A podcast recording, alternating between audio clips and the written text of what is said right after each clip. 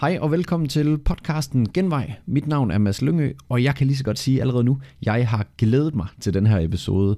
Jeg har glædet mig til at dele den med dig, fordi at i dag der er Line Mortensen på besøg, som er sangcoach. Og udover hun er sangcoach, så er hun rigtig skarp til det mentale. Hvorfor det er, at man går ind og får en blokering en gang imellem.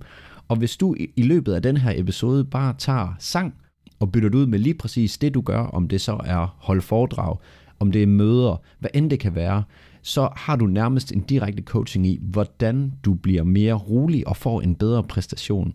Og jeg kan sige, hvis du er en af dem, der oplever, at du enten fryser, når du, øh, når du bliver presset i øh, for eksempel en, en præsentation, eller at du øh, kæmper, det vil sige, du snakker hurtigt, eller måske du bare har lyst til at forlade lokalet, jamen så er der faktisk rigtig mange værktøjer, du kan bruge i den her episode. Så jeg vil sige, du bliver klædt godt på i forhold til at få styr på det oven i, øh, i pæren, var jeg lige ved at sige. Men i hvert fald, så må du have en rigtig god lytter.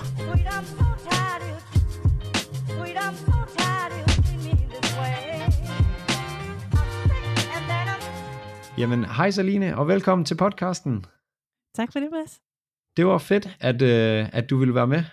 Ja, Og øh, nu nåede vi lige at få en lidt, øh, lidt rusten start her med noget elektronik, men øh, nu kommer vi stærkt tilbage igen. præcis. ja, vi har lige haft øh, byttet et par mikrofoner og så videre for at få det til at lade sig gøre, men øh, nu er vi tilbage. Og vil du ikke bare lige starte med lige at fortælle bare, øh, så lytterne er med, sådan lidt omkring øh, dig, og så også øh, det, du går og laver? Jo, det vil jeg i hvert fald. Jeg hedder jo Line Mortensen, og så er jeg sanger, jeg er musiker, øhm, og, og spiller en del koncerter. Og så under øh, corona, øhm, så mm, blev jeg lidt øh, nysgerrig på det her, som jeg har været i mange år, men det mentale omkring at være sanger og musiker. Øh, og der har jeg bygget en virksomhed op, hvor jeg hjælper andre sangere med at, øh, at takle, øh, hvis de nogle øh, gange sådan oplever, at at negative tanker og bevisninger, de kan spænde ben for evnerne. Øh, det er sådan ret almindeligt faktisk inden for, for musikerverdenen, men ikke rigtig noget, vi øh, taler så meget om. Altså inden for sportsverdenen, der er det jo meget almindeligt, at man har en, en mental træner, fordi Mm. man skal på scenen, eller man skal præstere meget, ikke? Og det er Ja. jo faktisk meget det samme som, som, som sanger, at man skal stille sig op foran en, en masse mennesker, hvor der er nogen, der kigger på en, og så skal man levere en vare. Ja. Og det kan for mange øh, sanger give noget præstationsangst eller noget sceneskræk. Øh, så de oplever, at det de måske kan, når de øh, øver sig, eller i andre sammenhænge, hvor der er trygt, jamen det er faktisk lidt svært at overføre til scenen. Der kan være noget, der, der spænder ben i virkeligheden. Øh, så det med at, at hjælpe øh, sangere til at komme derhen, hvor de øh, hvor det ikke skal være så meget, øh, der, der spænder ben, men bare at de mere kan, kan nyde det her, og, og nyde musikken i virkeligheden. ja. Ja. Og hvordan, hvordan er du endt med at arbejde med det? Jamen, jeg tror, det har været en stor interesse faktisk altid, og jeg, har- jeg har tænkt over det, øh, da jeg, jeg har både været- så heldig både at læse på, på konservatoriet og på, på universitetet med musik, og hvor, hvor jeg egentlig tit tænkte på, at jeg undrede mig over, at vi ikke havde den mentale del med, fordi at jeg er registreret på mig selv og på, på dem, jeg læser sammen med, at det egentlig er et ret stort emne. Øhm, og, og det er et emne, hvor man bliver overladt lidt til sig selv, kan man sige. Nu, nu er der begyndt at ske noget, Øh, jeg har set, at der er nogle konservatorier, der begynder at, at få mere ind i, i pensum. Men ellers så er det jo, kan man sige, de bedste råd, man fik, det var jo, jamen du skal bare gøre det mange gange, så går det godt. Ja, tro på dig selv. Jeg tror på dig selv. men, ja. men man registrerer jo, at der er nogen, der har stået på scenen i 20 år, og stadig faktisk øh, kan, kan bokse lidt med det her. Mm. Og, og det jeg måske selv registrerede, det var, at, at der kan være stor forskel på de evner, man egentlig har, og det man kan, og så det man nogle gange kan præstere. Og Ja. det er jo noget sjovt noget, ikke? Og det tror jeg, det er ikke, det er ikke kun inden for musikerfaget. Det kan være alle mulige andre steder. Jeg læste en undersøgelse, hvor, øh, hvor, hvor mange mennesker meget hellere vil vælge på cyklen, end at sige noget offentligt. Ja. og det er jo ikke, fordi vi ikke er vant til at sige noget, eller vant til at sige noget, der er vigtigt for os. Men det, her, men det er faktisk et ret stort skift i at, at kunne noget, og gerne ville noget, og så skulle stille sig op og gøre det offentligt og være synlig, kan man sige. ja. Øhm, jeg har også registreret i den her rejse, hvor jeg har sådan øh, stødt på andre, øh, der har startet virksomheder op, at noget af det, som de faktisk synes er, er det sværeste, det er for eksempel sådan noget som Facebook Lives. Ja. Altså, at det kan være ret angstprovokerende for nogen, ikke? fordi at man lige pludselig er der et publikum, og man føler, at man skal præstere. Og selvom det er måske en viden, som er super godt integreret i en, og man ved, at man kan det her, så kan det alligevel afføde noget, der gør, at at det bliver svært at komme helt ud med det. Så Mm. derfor synes jeg, det er jo enormt vigtigt at have, have fokus på den mentale del også i virkeligheden. Ja. Mm. Og er det, altså, ser du det som den, sådan, måske den største udfordring i forhold til at kunne sådan, indfri det potentiale, man har, når man, når man øver og er i et eller andet sted, hvor man sådan er tilpas? Altså, er, er, er det det, der gør den største forskel? Det tror jeg. Altså, altså, vi har jo super meget, som musiker har man jo super meget fokus på at øve sig på sit instrument, eller sin Mm. faglighed, kan man sige. Ikke? Og det er jo også helt sådan det, man får at vide. Det, det, det, det der er hovedrådet, det er bare at, at være så sikker øh, i sin faglighed som muligt. Men, men øh, det, jeg har fundet ud af, det er, at man skal jo faktisk også øve sig på det andet. Altså, man skal øve sig i at takle sit hoved på en eller anden måde. Og, ja. og de negative tanker og bevisninger, der, der kan komme ind og spænde ben, man skal på en eller anden måde have noget viden og nogle redskaber til at kunne takle det. For ellers så kan man øve og øve og øve sig. Men det vil stadig være det samme, når man går på scenen, ikke? Mm. Øhm, hvor, hvor man ikke sådan helt kan komme ud over kanten. Ja. Og, øhm, og, der, og, og der er jo en rigtig god grund til, at det er sådan her. Altså jeg tror, det der, det der gik op for mig en dag, det var, altså det der sker for mange, det er, at når man så stiller sig op og skal gøre noget, og man så oplever, at det ikke går godt, jamen så det, der typisk sker for folk, det er, at man begynder at bebrejde sig selv og sine evner. Og tænker, "Nå, det er, fordi jeg er ikke god nok, eller jeg har ikke øvet mig nok, eller jeg dur nok ikke til det her. Og så kan det være, at der er mange, der giver op på den vej, ikke? Ja. Men jeg kan huske, øh, øh, på et tidspunkt, hvor jeg sad ja, og øvede mig i stuen op til en koncert, så havde jeg sådan en fornemmelse af, at det gik bare mega godt. Altså, der var virkelig, virkelig øh, god adgang til evnerne, kan man sige. Det var virkelig nemt at synge, og jeg tænkte, wow, det kører bare det her. Ja. Og så sker der det, at jeg kan høre, der går en, en dør, og der kommer en person ind i stuen. Og i lige det skifte der, så skete der et eller andet. Altså, havde vir- altså så lød min stemme anderledes. Den var mere låst. Den var mere sådan... Øh, mm, den havde slet ikke den der frihed som før. Og det tænkte jeg meget over. Hold da op, mand. Altså, der var egentlig ikke noget, der havde ændret sig. Det var den samme sang, og jeg sad i samme position. Så hvordan kan det være, at før, der var mine evner måske, hvis vi siger, at de var på 10, lige pludselig er de på 2. Altså, Ja. og der tænkte jeg, jamen hallo mand, evner kan jo ikke bare forsvinde. Og det, der gik op for mig, det er, jamen det er jo ikke evnerne, der er problemet. Det er adgangen til evnerne, der kan forsvinde. Så det vil Mm. sige, det vi kan i nogen sammenhæng, jamen hvis vi så bliver udsat for et eller andet pres, øh, så kan vi lige pludselig tænke, hallo, hvor blev det af i virkeligheden? Og det er rigtig interessant at kigge på, hvad er det, der kan forhindre min adgang til mine evner i virkeligheden? Og Ja. når man så går ind og arbejder med det, jamen så er der jo ikke noget, der stopper en. så derfor så kan man jo øve sig, øve sig, øve sig, men hvis ikke man ligesom har nøglen til øh, at, at, at arbejde med det, der kan forhindre mig i øh, at, at have ad, fri adgang, jamen så kan, det være, så kan man være nok så god, kan man sige. Ikke? Mm. Så derfor synes jeg, det er virkelig vigtigt og virkelig, øh, ja, på alle måder sindssygt vigtigt at, at have nogle redskaber til det her mentale. Ja. Ja. Og kan du mærke nogen forskel, altså nu hvis vi bare lige tager dig selv som Mhm. eksempel, kan du mærke nogen forskel fra inden, at du blev klar over, at det mentale var en vigtig del? Altså kan du mærke forskel i din performance, og så til nu? Ja, er du ved mig? Altså, egentlig har jeg jo altid vidst, at det mentale var et problem. Jeg har bare ikke rigtig vidst, hvad jeg skulle gøre ved det. Ja. øh, men ja, kæmpe, kæmpe forskel. Altså, man, den største forskel er fra mig, at før, der havde jeg det som om, at publikum ligesom var sådan en flok dommere, der sad. øh, nogen, der var sådan klar til at lige at, at kigge efter fejl, og mm, det var også forkert, det var også forkert. Altså, så det ligesom ja. var en modstander til, at nu, altså, jeg elsker at gå på scenen. Virkelig. Ja. Og har den der fornemmelse af, at, at det er ret nemt for mig at, at gå ind og interagere med publikum, og egentlig ser dem som medskabere, kan man sige, af en fælles oplevelse. Og det er jo en kæmpe forskel. Fordi så er det jo trygt, og så er det sjovt, og så er det, så er det nemt. Øhm, Mm. så, så virkelig stor forskel, altså. Ja. Ja. Og hvad er det sådan for nogle, øh, hvad skal man sige, lidt negative tanker eller overbevisninger, eller sådan, der opstår, og det, det kan jo både være, altså, hvad skal man sige, i sangverdenen, men det kan jo Mm. være, altså, nærmest alle steder, hvor vi skal præstere. Ja. Der er jo et eller andet, der går ind og blokerer. Hvad er det egentlig, der gør det? Altså, Ja, men det er jo i virkeligheden meget enkelt. Det, altså det, som de fleste sanger er bange for, det er at lave en fejl. mm, og, øh, og i virkeligheden, så er det måske ikke så meget fejl, men man er bange for konsekvensen af at lave en fejl.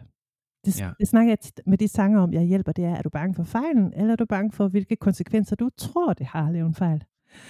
Og det der jo tit er, det er jo øh, det er jo sådan noget med, hvis jeg laver en fejl, så betyder det, at jeg ikke er dygtig nok. Hvis jeg laver en fejl, så, øh, så har de afsløret mig, så ser de, at jeg i virkeligheden ikke rigtig kan noget. Hvis jeg laver en fejl, jamen, så betyder det, at jeg ikke bliver hyret igen. Hvis jeg laver ja. en fejl, så betyder det, at, øh, at de, ikke, de mister tilliden til mig. Altså, alle de her ting, som ligger under angst, altså det her med at lave en fejl, det er jo mm. det, folk er vildt bange for i virkeligheden. Ikke? Så, ja. Og det er jo noget, der bare, altså, det var så også det, der skete for mig, for det begyndte jeg at lægge mærke til, hvad var så forskellen fra, at jeg spillede øh, og sang, og havde det, altså den der klaverhistorie, hvor det bare gik godt til bagefter. Og det eneste, der havde ændret sig, det var faktisk mit mindset. Fra at være i det, og ikke tænke over, at det skulle lyde på en bestemt måde, og bare være med sangen, eller hvad man skal sige, til lige pludselig at få tanker som, øh, hvis ikke han synes, jeg er god, så, så er jeg måske ikke en særlig god sanger, eller han skal blive imponeret, eller bla bla bla. Altså, så, de, mm. så det var i virkeligheden, det var, det var mit hoved, der havde ændret sig, og det var ikke evnerne, eller, øh, hvis det giver mening. ja, ja, det giver ja. mega god mening. Ja. Men er, er, det, er det fordi, man er bange for at blive øh, dømt, eller sådan, at hov, jeg blev afsløret i, at jeg var ikke det, som jeg har givet mig ud for at være? Eller hvad er det, der sådan helt præcis trykker? Ja, det, det kan det jo godt være. Altså det der, som du siger til sidst, det er jo sådan et udtryk for imposter øh, syndrom, ikke? Altså det her ja, med, at man, man har en overbevisning om, at i virkeligheden er jeg ikke særlig god, og nu går der ikke ret længe, så bliver jeg afsløret. mm. øh, men ja, det er frygttanker omkring øh, ens egen evner, kan jeg overhovedet det her? Eller det kan være frygttanker omkring den ydre kritiker, hvis der er noget, der hedder det. Altså hvad andre kunne tænke, Øhm, det er jo meget det, det, det i virkeligheden handler om, når alt kommer til alt. Ja. Og det, der er ret interessant, det er jo, at øh, øh, nu vi snakker om frygttanker, altså det, der sker, det er jo, at, øh, at amygdala, som sidder øh, i hjernen, det frygtcenter, vi har, det er jo det, der bliver aktiveret. Det er jo fordi, vi, vi er sindssygt bange for, hvad sker der, hvis jeg laver en fejl, for eksempel.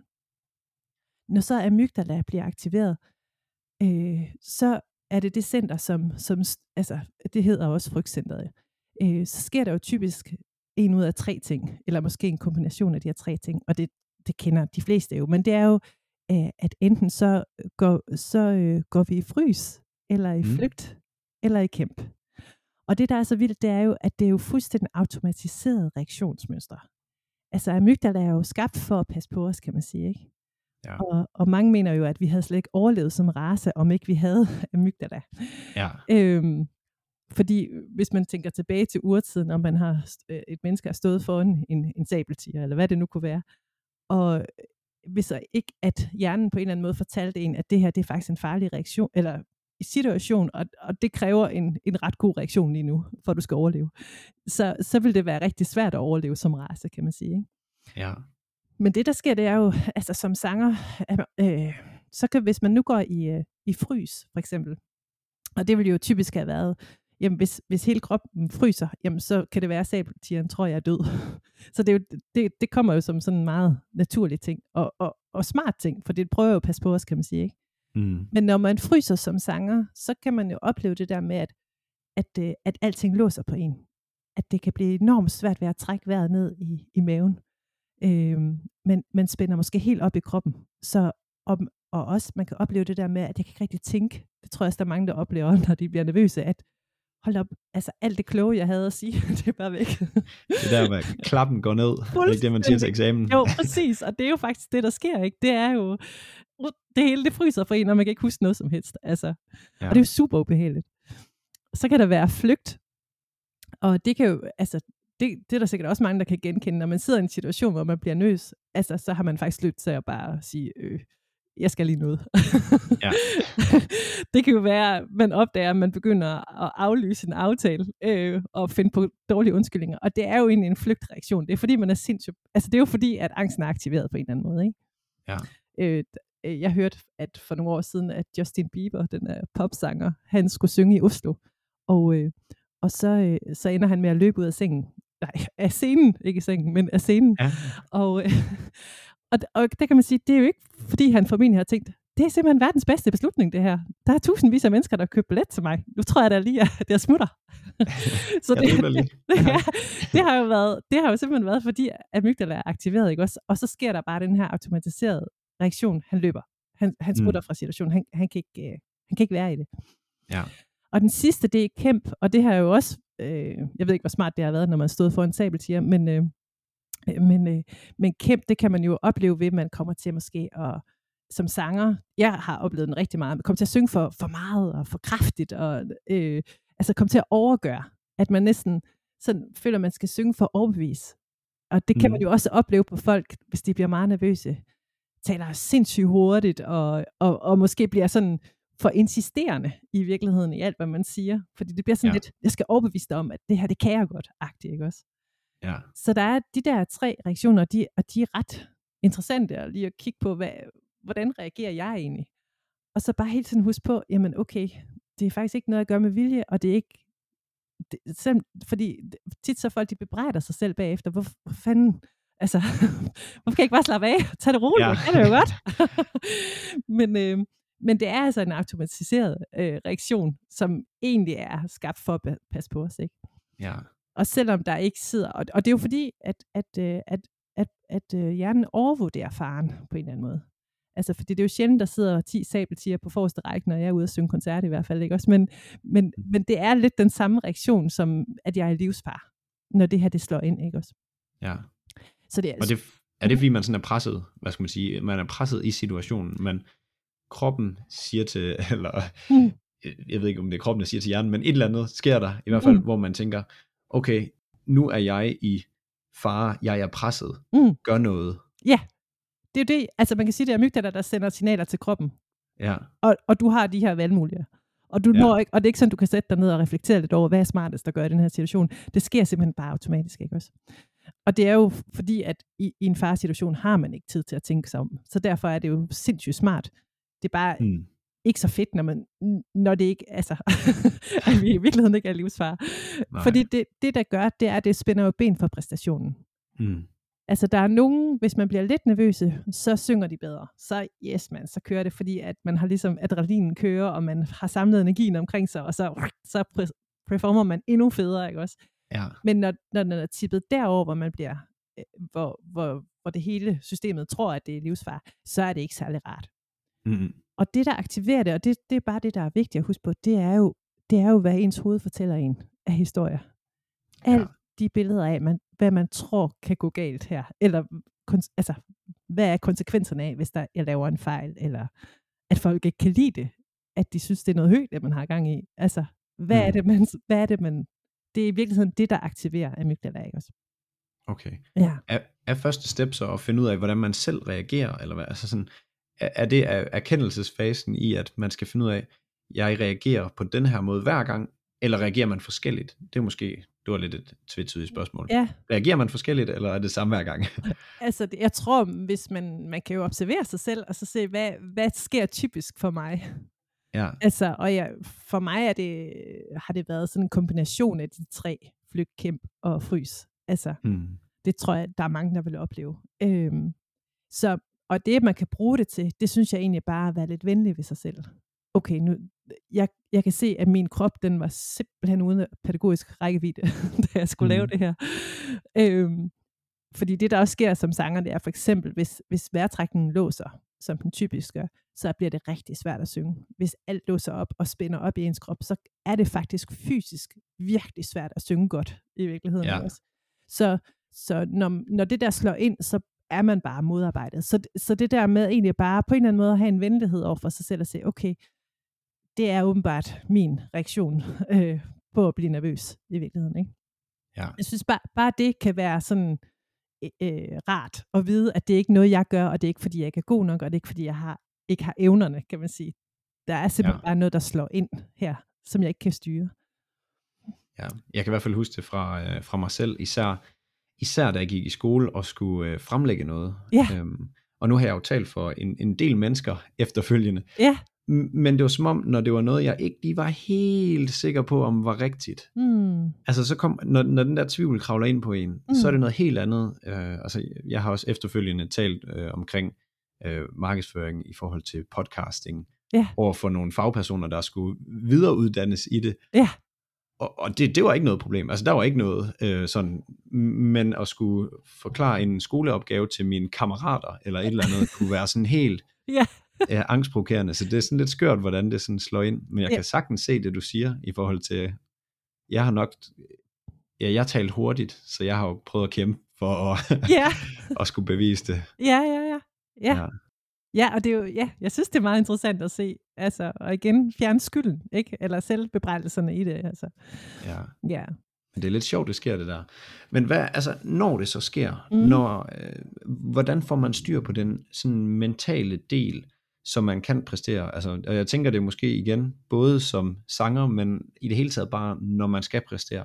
ja, Er der nogle faser eller et eller andet, vi kan inddele det i, så man lige sådan kan visualisere det for sig selv? helt sikkert. Altså, jeg arbejder med, med tre spor, kan man sige, når jeg arbejder med, med de sanger, jeg hjælper. Øhm, og, og tre spor, som man kan bruge øh, hver for sig, men når man så begynder at kombinere det, så, så, øh, så står man jo selvfølgelig stærkere. Øh, og det første, det har, handler om forberedelse. Altså hvad, have en rigtig god forberedelse, inden jeg skal præstere. Og vide, hvad præcis hvad jeg skal gøre. Og det kan jeg give nogle, et, et eksempel på. Og det andet, jeg afbryder lige lynhurtigt her, fordi at jeg håber, du godt kunne tænke dig at hjælpe mig en lille smule. Fordi podcasting, det bliver delt bedst via mund til mund, så jeg håber, at du har lyst til at prikke en ven eller bekendt på skulderen, der kunne finde genvej her interessant, inspirerende og lære noget af den, og så fortæl dem, at øh, podcasten er til. Det er den måde, podcast bedst bliver delt på, så jeg håber, at du har lyst til at hjælpe mig med det. Og hvis du har lyst til at vide, hvornår de nyeste episoder de kommer ud, jamen, så skal du lige huske at trykke follow også. Og det var det, og så lad os komme tilbage til podcasten.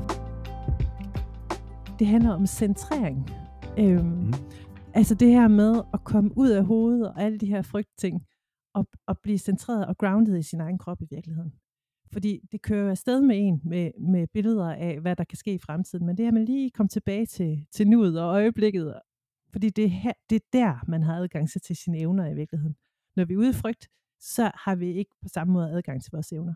Så centrering, det er nummer to. Og den sidste, øh, som er, er det, der er virkelig effektivt, og det, som er øh, noget, der også forhindrer, at, at man ryger i det her i fremtiden. Og det er at helt klart at arbejde med de her negative tanker og bevisninger. Fordi det er dem, der er roden til, at det sker, kan man sige.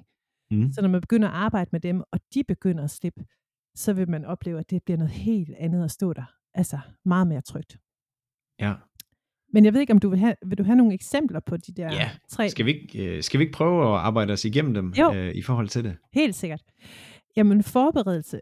Øhm, det som, øh, altså der, altså selvfølgelig handler det jo om at, at være, som du også siger, det der med, at når du er sikker i dit stof, så føler du dig mere tryg, end hvis du bliver i tvivl om, om det du egentlig siger er rigtigt og sådan noget. Der, er der er jo Ja. ja. klart, der er noget faglig forberedelse, kan man sige, at, at vide, at hvad er det, man skal, og hvad skal man sige, og alt det her. Ikke? Mm. Men, men igen, som jeg sagde før, det kan man jo godt have gjort, og så stadig opleve, at man bliver vildt nervøs. Øhm, Ja. så det, den måde, som, som jeg har oplevet, er, er vanvittigt effektiv, og andre, selvfølgelig mange andre, der også oplever det, øh, det har jeg valgt at kalde øh, praksisnær visualisering. Det lyder meget Mm. fint, og det er egentlig meget, meget enkelt. Men det her med, at man øver sig, forbereder sig, som om man var der. Altså, for eksempel øh, noget, som jeg øh, i det senere, øh, eller øh, noget, som jeg har sådan skulle kæmpe med, øh, det øjeblik, jeg blev mest nervøs på scenen, det var, når jeg skulle snakke mellem numrene. Altså, Ja. Og det lyder mærkeligt måske, men når man er sanger, så typisk så er det nemt nok at synge. Og det er nemt nok at være, øh, lukke alt op og synge fra hjertet og alt det her. Men det at så lave skiftet til at skulle sige et eller andet øh, mere eller mindre klogt imellem numrene, det kan faktisk for mange sanger være enormt angstprovokerende. Så lige præcis den del, det havde jeg virkelig brug for at øve, for ikke at blive for nervøs. Så det jeg har gjort, det er egentlig bare at, at beslutte mig for, jamen det er det her, siger, jeg skal sige. Og så har jeg gået og talt det højt, samtidig med, at jeg har forestillet mig, at jeg var der. Så det er ligesom en visualisering, samtidig med, at jeg forbereder mig. Mm. Så det med at gå rundt, og det har jeg faktisk også gjort til den her podcast.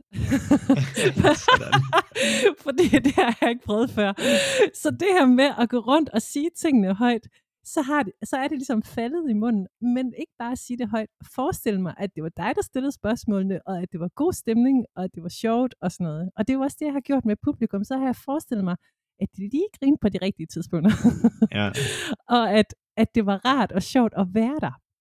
For det, der så sker, det er, altså det er jo lidt ligesom sådan nogle 10-årige piger, der står med en, med en hårbørst og, og synger og leger de er i MGP. Mm. Men det der, det, der er det geniale ved det, det er, når man så er i situationen, når jeg så står på scenen og skal til at sige det her, og der sidder måske, det ved jeg ikke, 100 mennesker, lad os sige, der sidder 100 mennesker, jamen så har jeg ligesom, altså så har hjernen ligesom forberedt sig på, det her, det har jeg prøvet før. Jeg har prøvet det før. Det gik godt. Det var trygt. Mm. Så hvorfor skulle det ikke være det nu? Så øh, det er noget med, at hjernen kan ikke kende forskel på, om man leger, man gør det, eller at man gør det. Så det, at den allerede har fået en oplevelse af, det, det gik godt, det var trygt, det var fint, så er det meget, meget nemmere at gøre det. Det er, altså et, det er også et genialt eksamenstrik. Ja. øh, da jeg fandt ud af det, så begyndte jeg at elske at gå til eksamen. Fordi, at, øh, ja, fordi man bliver simpelthen ikke så nervøs på den måde der. Så det her med at, at visualisere, mens man gør tingene, det er altså en, en af de mest effektive måder at, at forberede sig på, synes jeg. Ja. Og sådan re- rent praktisk. Mm. Så lad os sige, nu, lad os sige, du forbereder dig til podcasten her. Ja. Gik du så og, altså, og fortalte det materiale, du havde tænkt, vi skulle ind på? Sådan bare, bare gå og fortælle, nå ja, det er sjovt, du spørger. Jamen det, altså, er, altså er, det, er det så Fuldstændig. meget ned i detaljen? Fuldstændig. Okay, ej hvor sjovt. ja. fordi så, øh, jamen, fordi så føles det trygt. Altså, ja. der er det så der med, at ordene ikke, altså, de skal ikke sådan, åh, for en, altså, man kan jo godt have tænkt alt muligt, det her vil jeg gerne sige, og sådan noget, men hvis det ikke ligesom er blevet formuleret, så kan man have den der følelse af, at det er svært at få det ud af munden på en eller anden måde, ikke? Mm. Men helt klart også følelsen i kroppen. Altså hvis, man har, hvis jeg har gået og leget det på en eller anden måde, jamen, hvor, hvor det er en god følelse og, en, og sjovt og sådan noget, så er det bare så meget nemmere, når man så er i det rigtigt, eller hvad man skal Ja. sige. Mm. Ja, men det har virket. Ja, det det går har- godt. Ja, Så. Phew. ja, det er godt. ja, så forberedelse, det, det, det var en måde, man kunne forberede sig på i hvert fald.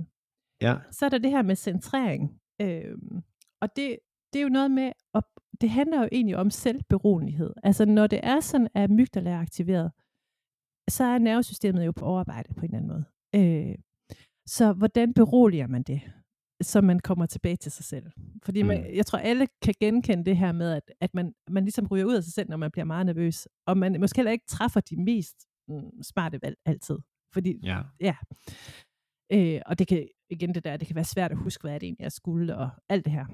Mm. Øh, og der er ligesom fem, fem ting, man, øh, man øh, kan gøre, som øh, øh, man kan arbejde med.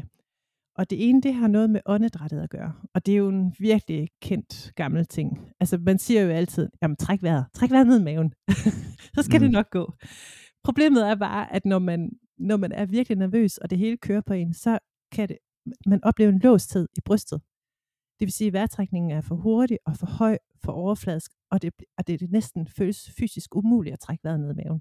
Altså sådan lidt øh, hyperventileret følelse. Ja, eller bare, med, altså, og det behøver slet ikke være derude, men bare, man kan bare mærke, at den, den, den bliver lidt for hurtig i virkeligheden.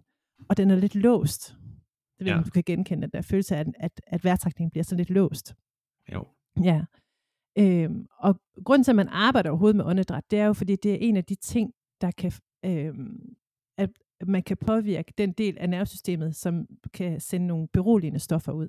Så hvis man kan ligesom få en rolig, et roligere åndedræt, jamen så påvirker det den del af nervesystemet, der beroliger os, kan man sige. Mm. Så åndedræt er, er og, og helt konkret øh, kan man forestille sig, at man har en, en, en ballon i maven, eller hvad man skal sige, som langsomt bliver udvidet og langsomt øh, trækker sig sammen igen. Så bare det billede, det gør, at man, øh, altså samtidig man trækker vejret selvfølgelig, øh, det gør, at man, kom, man fjerner lidt opmærksomheden på alt det, altså igen, det der kan gå galt, og det man bliver bange for. Og så kommer lidt ned i kroppen i virkeligheden, ikke? Et andet trick kan være, hvis, hvis det er helt låst, at i stedet for at man tænker, at jeg skal trække vejret, så tænker at jeg, at jeg, at jeg puster ud. Altså simpelthen puster luften ud, til ens mave er helt flad. Øh, og så slipper man musklerne i maven og i svælget. Og så har den der fornemmelse af, åh, at kroppen slipper i virkeligheden. Mm. Det er en måde at, at simpelthen berolige sig selv med vejrtrækning. Okay. Øh, en, Må jeg lige spørge om noget hurtigt? ja, selvfølgelig. Er det, er, det, er det noget, du gør, altså, er det noget, der sådan i, i praksis sker, hvis man står på scenen, Mm. eller, ja, nu kan vi bare bruge scenen, fordi det kan jo Ja. bare være alt, når man er på. Ja. Altså, er det noget, hvor man så, okay, siger, lige træder et skridt tilbage, og så, Ja. og så går i gang igen? Det kan man Øh, sagtens. Altså, eller er det noget inden man, Man kan både gøre det inden, og man kan gøre det på scenen. Altså, jeg har faktisk lavet et kursus på et tidspunkt, et online kursus, som, som med de her fem ting, som jeg vil lige introducere kort, som man kan gøre på scenen også. Altså, Mm. som jeg kan bruge midt i en solo. Det kan være, at de andre lige sidder spiller solo, og jeg kan mærke, uh, jeg er helt væk her. Nu jeg skal jeg virkelig tilbage til mig selv. Så det kan man sagtens gøre på scenen. Det vil sige, eller Okay. mens man er der. Men Ja. selvfølgelig kan man være lidt foregribende, og så gøre det inden også. Ja. men det ene, det er så åndedrættet. Det andet, det her med, øh, som også er meget almindeligt, øh, men, men grounding, det arbejder man rigtig meget med som sanger, at blive grounded. Øh, og igen, det er jo fordi, man er ude i de der frygttanker. Så, og en simpel øvelse er egentlig bare lige at mærke sine fødder. Eller mærke snitfladen mellem fødder og gulv. Hvis man bare lige mærker det, eller mærker måske, øh, hvis man sidder på en stol, lige der, hvor kroppen rører stolen, lige i snitfladen. Mm. Og samtidig kombinerer det med vejrtrækningen. Så sker der også noget. Så, bliver, så er det sådan en beroligende effekt, at man ligesom kommer mere tilbage til sig selv.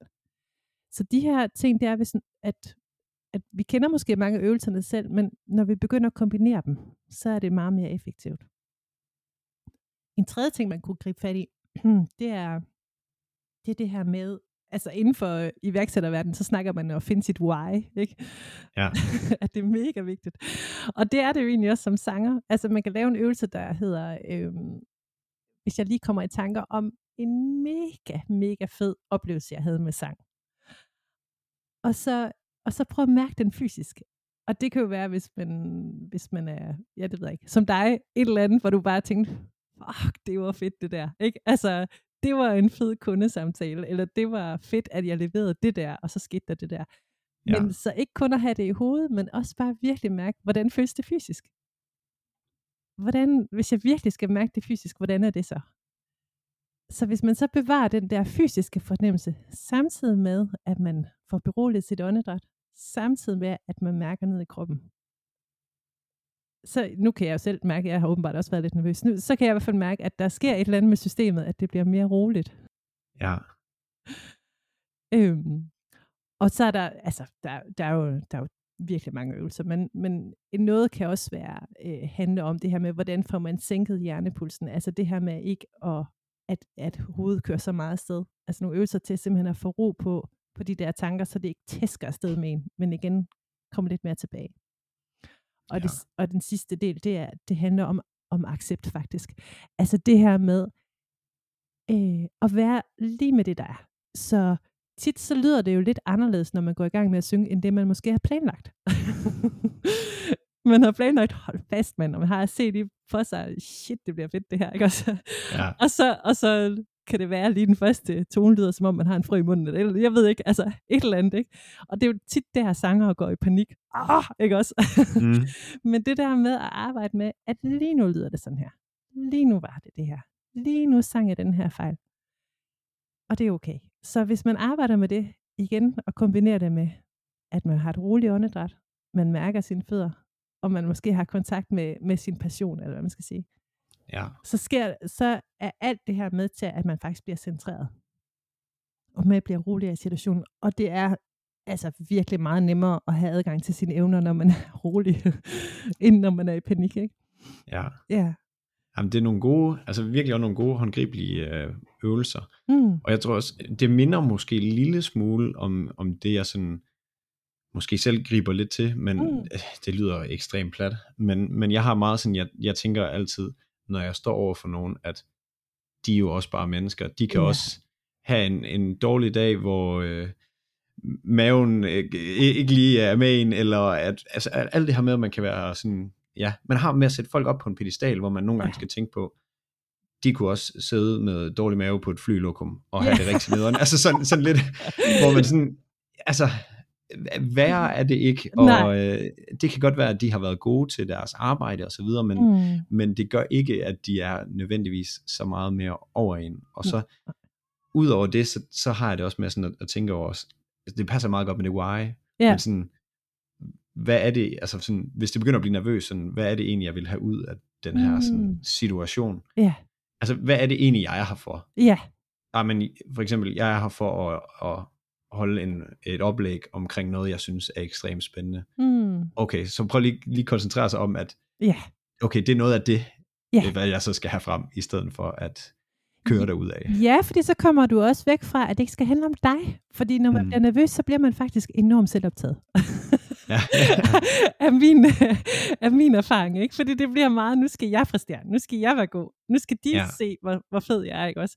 Men at komme tilbage til netop det der, som er vigtigt, og det man gør det for i virkeligheden, ikke? Altså det er jo mm. sindssygt godt.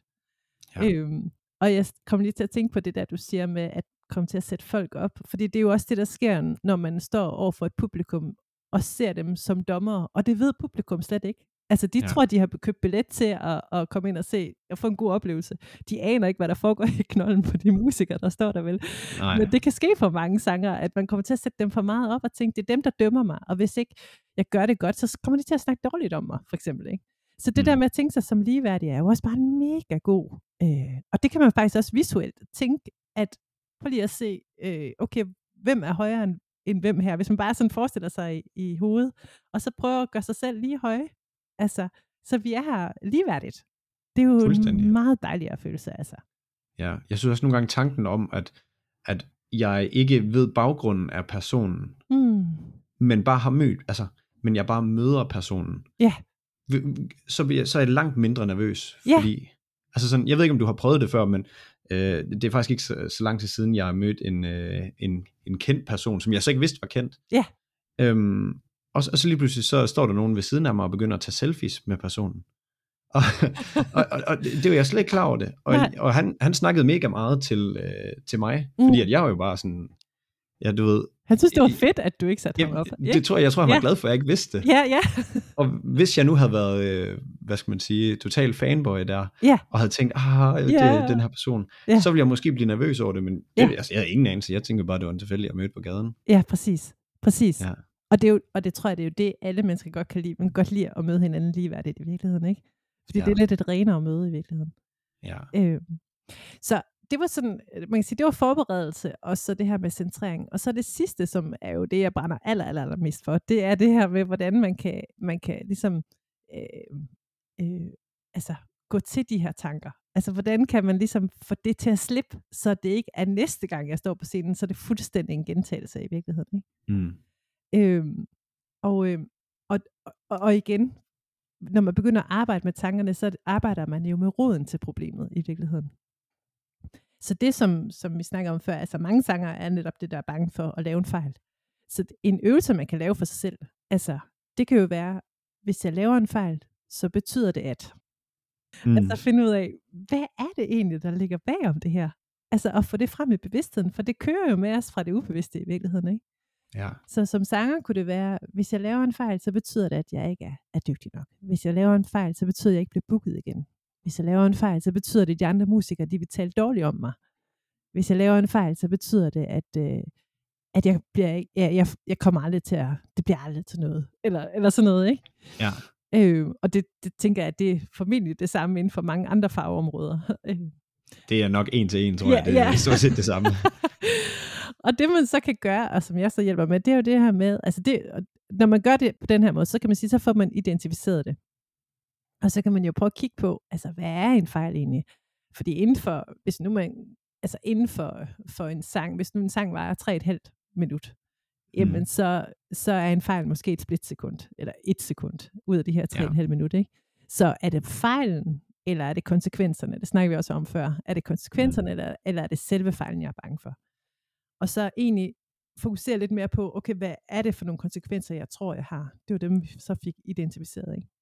Mm. Så det man så kan gøre, det er at sige, jamen okay, øh, hvis jeg laver en fejl, så betyder det, at jeg i virkeligheden ikke er en særlig god sanger. Og det jeg så hjælper folk med, det er simpelthen at stille nogle spørgsmål, så man kommer lidt dybere ind i det her. Så hvis jeg laver en fejl, man forestiller mig, at jeg står på scenen, jeg laver en fejl, det betyder, at jeg ikke er en særlig god sanger. Er det sandt? Altså kan jeg virkelig vide, det er sandt? Jeg står og synger en koncert, jeg laver én fejl. Det betyder, at jeg ikke er en særlig god sanger. Simpelthen tag det for pålydende, det som ens hjerne den fortæller en. Og derfor kan det være rigtig godt at skrive det ned, fordi så får man det lidt mere sådan, hvad så hurtigt så siger man, åh nej, det er også noget pjat og sådan noget. Men sådan virkelig mm. prøve, men kan jeg virkelig vide, det er sandt? Altså, det er, jo det, det er jo det, jeg får at vide hele tiden et sted fra. Men kan ja. jeg virkelig vide, det er sandt? Nej, det kan jeg måske ikke. Altså, jeg har jo sunget masser af koncerter. Jeg tror ikke, jeg har sunget en eneste, uden at der har været, i hvert fald været en lille fejl. Ikke? Ja. altså et ord, man har sunget forkert. Eller, og, man, og hvad er også en fejl? Altså, jeg har hørt en sige, at en fejl er egentlig bare, at man gør noget andet, end man har planlagt. Ja. og det er en meget god definition, ikke? Øh, Ja. og, og altså, ja, Nå, men, men det, det næste, man så kan stille sig det spørgsmål, det er, hvordan reagerer jeg? Hvad sker der, når jeg virkelig tror på tanken? Jeg står der på scenen, og jeg tror på tanken, at hvis jeg laver en fejl, betyder det, at jeg ikke er en særlig god sanger. Og så prøve at se alle reaktionsmønstrene. Altså det, der sker for mig, det er, at jeg begynder at synge safe. Jeg bliver meget mere kontrolleret. Jeg bliver sådan mm. virkelig sådan lidt låst i, at nu skal, oh, det skal være perfekt. Ikke også? Jeg kommer også til at blive lidt for fokus på, på publikum, og hvad, hvad tænker de, og, og hvad tror de, og sådan noget. Altså det, det hele bliver sådan meget, meget låst, og det bliver faktisk ret kedeligt i virkeligheden, ikke? Det er det, der sker for rigtig mange sanger. Bliver Ja. simpelthen for, for låst i, at det skal lyde godt, og det skal være, og det skal være fejlfrit. Så de bliver nogle sindssygt kedelige sanger. Altså, det, det, det er meget almindeligt. Mm. Øhm. Altså sådan, så det, det bliver en, en eller anden ordinær, øh, hvad skal man sige, man vil hellere ikke tabe noget, end at gå efter at være god. Er det sådan, man sådan, Jamen, det bliver jo sådan en låsthed, ikke også? Øhm, Ja. Jeg ved ikke, om du, om du kan genkende det overhovedet, men det der med, at man, man bliver næsten for kontrolleret, ikke også? Fordi, og så er det, man ikke rigtig tør gå med sine impulser. Altså, jeg, jeg, jeg- forstår faktisk godt, hvad du mener med Ja. det, fordi jeg tror også, vi har, altså nu, nogle gange er man også lidt på, når man er på en podcast. ja, det er klart. Og, og det er jo faktisk meget det samme, at Ja. jeg kan godt være, at jeg burde tage nogle af de øvelser her, fordi jeg har folk med. Der er nogen, som er sådan, øh, altså du ved, man kan, man kan høre, man snakker og bla bla bla, og så Ja. tænder vi tryk. Og, og, og så kan man mærke, at det er sådan lidt en, øh, Så skifter det. ja, ja, jeg synes, låsthed er jo et eller andet sted et godt ord, men Ja. sådan, det bliver meget ikke mig selv, og Ja. meget et eller andet, Ja, man lige øh, put on a show. Fordi, ja fuldstændig. ja. Det er fuldstændig. Og, det er jo, og, og igen, så skal man jo huske, det er mygdala, der er aktiveret. ikke også? Ja. Og det er ikke med vilje. det er bare det, der sker, ikke også? Og ja. derfor er det så godt at være opmærksom på i virkeligheden.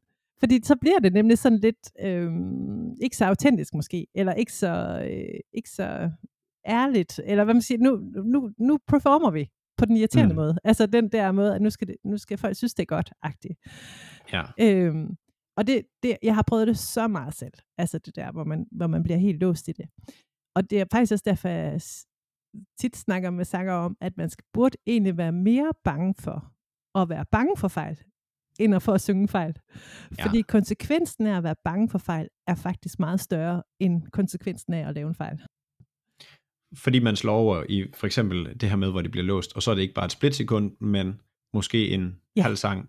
Fuldstændig. Fuldstændig, fuldstændig rigtigt. Altså. Ja.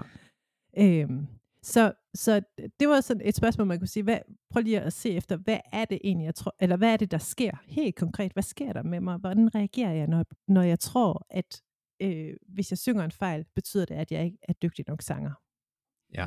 Det man så kan gøre efter det er, at, og, og hvis ikke man lige kan gøre det selv, så er det fordi, man typisk lige skal have lidt hjælp til det i starten. Men det man så også kan stille sig det, det spørgsmål, det er, okay, hvem vil jeg være uden den tanke? altså, hvordan vil det være at stå på scenen uden tanken, at hvis jeg synger en fejl, betyder det, at jeg ikke er en dygtig nok sanger? Ja. Og så prøv at forestille sig, ikke at man skal fjerne det, eller at man ikke må tænke det, men hvordan vil det egentlig være at stå der? Og så kan jeg i hvert fald mærke med det samme, at så er det bare meget sjovere. Ja. Fordi så er der jo ikke, så er konsekvensen ikke så farlig, vel? Så synger jeg en fejl, så synger jeg noget andet igen. Altså, Ja. ja. Så, øhm, og det lyder som en meget, meget kognitiv øvelse, men i virkeligheden, så, den, så når man giver, giver det tid, og man virkelig går ind og mærker, og så også mærker alle følelserne i det, og får alle billederne, så er det virkelig øh, noget, der kan, der kan forandre rigtig meget. For det, der sker, det er jo, at jeg ikke skal tvinge mig selv til at tænke, øh, jeg må godt lave fejl, eller jeg, altså, øh, det er lige meget med fejl. Og så, det er netop det, der kommer til at køre rent kognitivt. Men hvis man går ind og helt ærligt ser, betyder det virkelig, at jeg ikke er en god sanger, hvis jeg synger en fejl? Og jeg virkelig erkender det på et, et lidt dybere plan, eller hvad man skal sige, Mm. så, så slipper den tanke ind, og det er virkelig vildt. Altså, det er virkelig vildt at opleve. Så det Ja. vil sige, at næste gang man går på scenen, så, så kan det godt være, at tanken dukker op, men man lægger den slet ikke vægt, og til sidst så er den væk. Ja. Og så bliver det bare meget nemmere. Så det, det er en mega fed proces. Altså. Så i, i stedet for, at man sådan helt overordnet, øh, du ved, har en hurtig tanke, slipper det igen, og så videre, så er det bedre altså selvfølgelig ikke på scenen, mm. men måske efterfølgende, at man Mm. sådan sætter sig ned og så siger, okay, det her sker, hvorfor sker det? Betyder det det, jeg tror i splitsekundet, eller betyder det noget andet? Og så sådan helt oprigtigt bruge tid på at spørge sig selv, hvad er det præcis, det siger om mig? Mm, ja. At jeg lige kom til at sige øh, him i stedet for hø, eller hvad end det nu er. Nu Ja, hvad er det, jeg jeg bare, ja, hvad det. tror jeg, det betyder? Hvad tror jeg i virkeligheden, det betyder? Og så Ja. er det sandt? Er det sandt? Mm, Kan jeg virkelig vide, det er sandt? Og, og hvordan reagerer jeg, når jeg tror på det? Og hvem vil jeg være uden? ja, Øh, og det man også kan gøre, det er, at man til sidst så kan vende den om og sige, øh, jeg, øh, hvis jeg synger en fejl, betyder det, at jeg er en god sanger. Mm. Kunne det være lige så sandt? Kunne det egentlig være lige så sandt? ja, Og, og det prøver man at se, om man kan finde nogle ærlige eksempler på det. Og, og det, altså, øhm, hvis man laver fejl, så er det jo typisk, fordi man kaster sig lidt ud, at man våger i virkeligheden, ikke? ja, Og, og, og det er jo meget sjovere at høre på sangere, der våger, Mm. end nogen, der kun spiller safe hele tiden, ikke? Og, Ja. og man kan jo kigge på fejl. Altså, ved du hvad? Det er jo så vildt. Jeg har jo oplevet en gang at blive hyret til at skulle synge, øh, det er mange år siden, men synge Amazing Grace. Altså, den mest fortærskede sang i hele verden, den er, det er den sang i, i verden, der er oversat til flere sprog. Jeg tror over 40 sprog er den oversat til. Så, Okay. Og det er en sang, som alle kender. Ikke? Og så skulle jeg synge den, øh, og så gik det godt nok første vers. Anden vers, så skete der netop frys i min hjerne. Jeg kunne ikke huske en skid. Altså som i absolut ingenting. Det eneste, jeg kunne huske, det var melodien. og alt teksten var fuldstændig væk. Og så sker der det, at jeg, at jeg begynder at synge brøvle engelsk. Altså ord, som slet ikke findes. Ja. Fordi der sad altså 150 mennesker, så jeg blev nødt til at gøre noget. Så jeg sang et helt vers på ord, som aldrig er opfundet før. ja. og der var ikke nogen, der løftede et øjebryn. Der var ikke nogen, der opdagede det. Er det ikke vildt? Jo, det så, er vildt nok. ja, så det her med, at det er jo tit os selv, der lægger mærke til fejl. Altså, det, omverdenen lægger jo sjældent mærke til det. Altså, med mindre Mm. jeg havde stået og set helt forkert ud i hovedet eller et eller andet, så, så er der jo ikke nogen, der lægger mærke til det. Mm. Og der sker jo faktisk også det med fejl, det, øh, at det nogle gange samler, fordi folk, de gider egentlig ikke perfekt. Altså, de synes faktisk, det er kedeligt. Man vil gerne mærke mennesket i virkeligheden, ikke? Helt vildt. Ja, og her for, det er ikke ret mange måneder siden, jeg var ude og synge en koncert, og så, så har jeg sådan en, en, en ny sang, som er på dansk, og, og sådan meget inderlig. Så vi startede sådan virkelig, virkelig inderligt. Bare fint klaver, og så jeg sang den her tekst, som alle jo så kunne forstå, fordi nu, nu var det på dansk. Og da jeg sunget to linjer, så skete det igen. Jeg kunne simpelthen ikke huske en skid. Og så sang jeg forkert. Og så normalt plejer jeg jo bare at synge videre, og så gør, så finde på noget, og så lægger jeg ingen mærke til det. Men jeg kom bare til at grine, fordi det var sådan helt fortættet energi, og alt var sådan helt fuldstændig... Du ved, altså man kunne have hørt en knappenål, hvis det var den Ja. og så kommer jeg bare til at synge forkert. Og så kommer jeg til at grine. Og det, der sker, det er jo, at publikum griner med. Fordi det er på en eller anden måde befriende, ikke? Der står Ja. der, at man skal stille det hele flot op, og det skal være perfekt, og illusion og sådan noget. Og så griner jeg, og så griner de med. Og det var bare sådan en fed oplevelse, ikke? Som egentlig berigede oplevelsen mere. Og så var det, vi var på øjenhøjde igen. ja, ja, så er man havnet på sådan samme stadie. Fuldstændig. Ja. Og det vilde er jo, at der er jo rigtig mange bands, som, øh, som øh, bevidst indøver fejl, fordi at man har fundet ud af, at det er publikums involverende at lave fejl. Fordi mm. så kan man øh, stoppe op, og, og så er der noget interaktion, og så føler folk, wow, ej, nu skete der det her, hvor var det fedt, og sådan noget, ikke også? Ja. Så, så man skal ikke være så bange for fejl. Det er jo sådan set bare øh, øh, noget, der gør, at der netop viser, at vi alle sammen er mennesker, og at det er helt fint. Fordi det giver også tilladelse til, at man selv må lave fejl i virkeligheden, ikke? Ja. Ja. ja, ja, lige præcis. Mm. Altså, jeg tror også, noget af det, vi sådan arbejder mest med, når vi har øh, folk igennem sådan at hjælpe med podcasting, det er, Mm. at øh, det her med at sige, prøv at glem alt, der hedder fejl, Mm. og så bare være autentisk. Ja. Fordi, vi, altså, vi, vi har lavet øh, sådan, både noget øh, seriøs podcasting, og noget ikke så seriøs podcasting, hvor at mig og min øh, partner, det var bare sådan et, lidt et talkshow. Ja.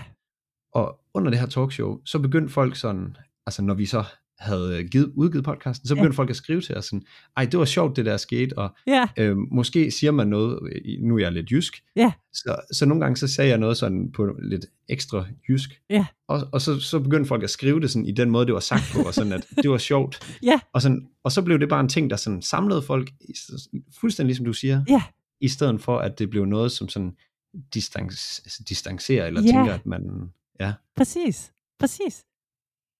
Så det, ja, ja, det er, det er mega interessant, ikke også? Og det man bare jo hele tiden skal huske på, det er, at, at, at når folk går i kontrol, og når man gør det der, så er det jo igen, fordi der ligger no, noget angst bagom, mm. som Mm. man jo heller ikke helt kan styre. Øh, så, så, øh, så, så alt er godt, altså.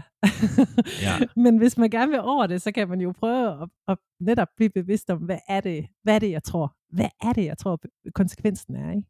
ja, Øhm, hvad, hvad, hvad tror jeg konsekvensen er, at der er nogen, der ikke kan lide det, jeg laver? Altså, mm. hvad, hvad delen er det? Altså, hvad er det for en angst, der ligger der? Og så prøv at undersøge det, fordi det, bliver, det slipper en lige så stille. Altså, det er ret magisk, synes Ja. jeg. Så den her kombination af, at man både ved, hvordan skal jeg forberede mig bedst muligt? Hvordan kan jeg berolige mig selv ved at blive centreret? Og så, ved, og så den sidste, ved at arbejde præcis med det, som er hovedårsagen for, at, at, at amygdala bliver, bliver aktiveret om, og at, at, at, at, at, at kroppen arbejder imod en, eller hvad man skal sige. Ikke? Altså når. Ja. man ligesom har de tre ting og kan arbejde med det, så er man altså ret godt, ret godt rystet, vil jeg sige. ja. Jamen, jeg håber, folk de har øh, lyttet godt med her og taget lidt noter. Og øh, Line, jeg tror, vi er ved at være ved, ved vejs ende. Ja. Men jeg vil lige høre dig her. Altså, hvis du bare må pege på én ting, du håber, folk har taget med mm. fra den her episode, hvad, hvad håber du så, det er?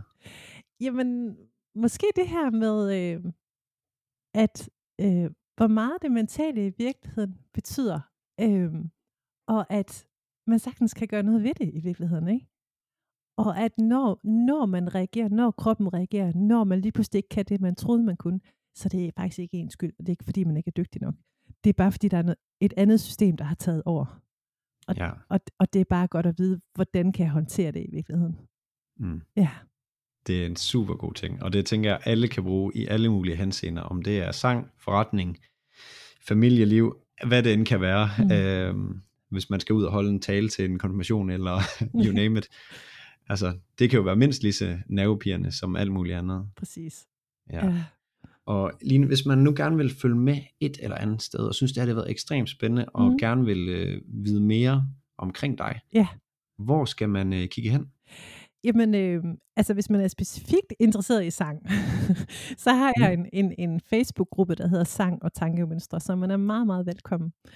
Og ellers så har jeg en hjemmeside, der hedder øh, lineground.dk, og det er egentlig min, min sanger og min kunstner hjemmeside. Men der er en, der er en, en sidebjælke. Det står på to-do, jeg skal lave en ordentlig hjemmeside til det her, ikke også? Mm. Men der kan man faktisk gå ind og læse lidt mere, og der er også, hvis man er interesseret, så står der min mail, og man kan ringe, øh, man kan ringe eller øh, skrive og spørge, hvis der er noget, man, man gerne vil have uddybet i virkeligheden. Så vil jeg ja. meget, meget, meget gerne. Jeg, jeg er super nørdet med det her. Jeg synes, det er så spændende. Så svarer jeg meget gerne på spørgsmål. Sådan. Og har du nogle sociale medier? Øh, bruger du noget LinkedIn eller Instagram? Øh, jeg bruger Facebook. Facebook. Facebook? Ja, Line Mortensen hedder min, min Facebook-side, og gruppen hedder Sang og Tankemønstre. Ja. Super duper. Ja. Ja, men så, øh, så er det givet videre. Ja, tak. Og øh, så vil jeg egentlig bare sige rigtig mange tak for at have været med og give nogle fede tips og tricks ud her. Selv tak, Mads. Det har været så fedt. Det var skide godt. hej hej. Hej hej.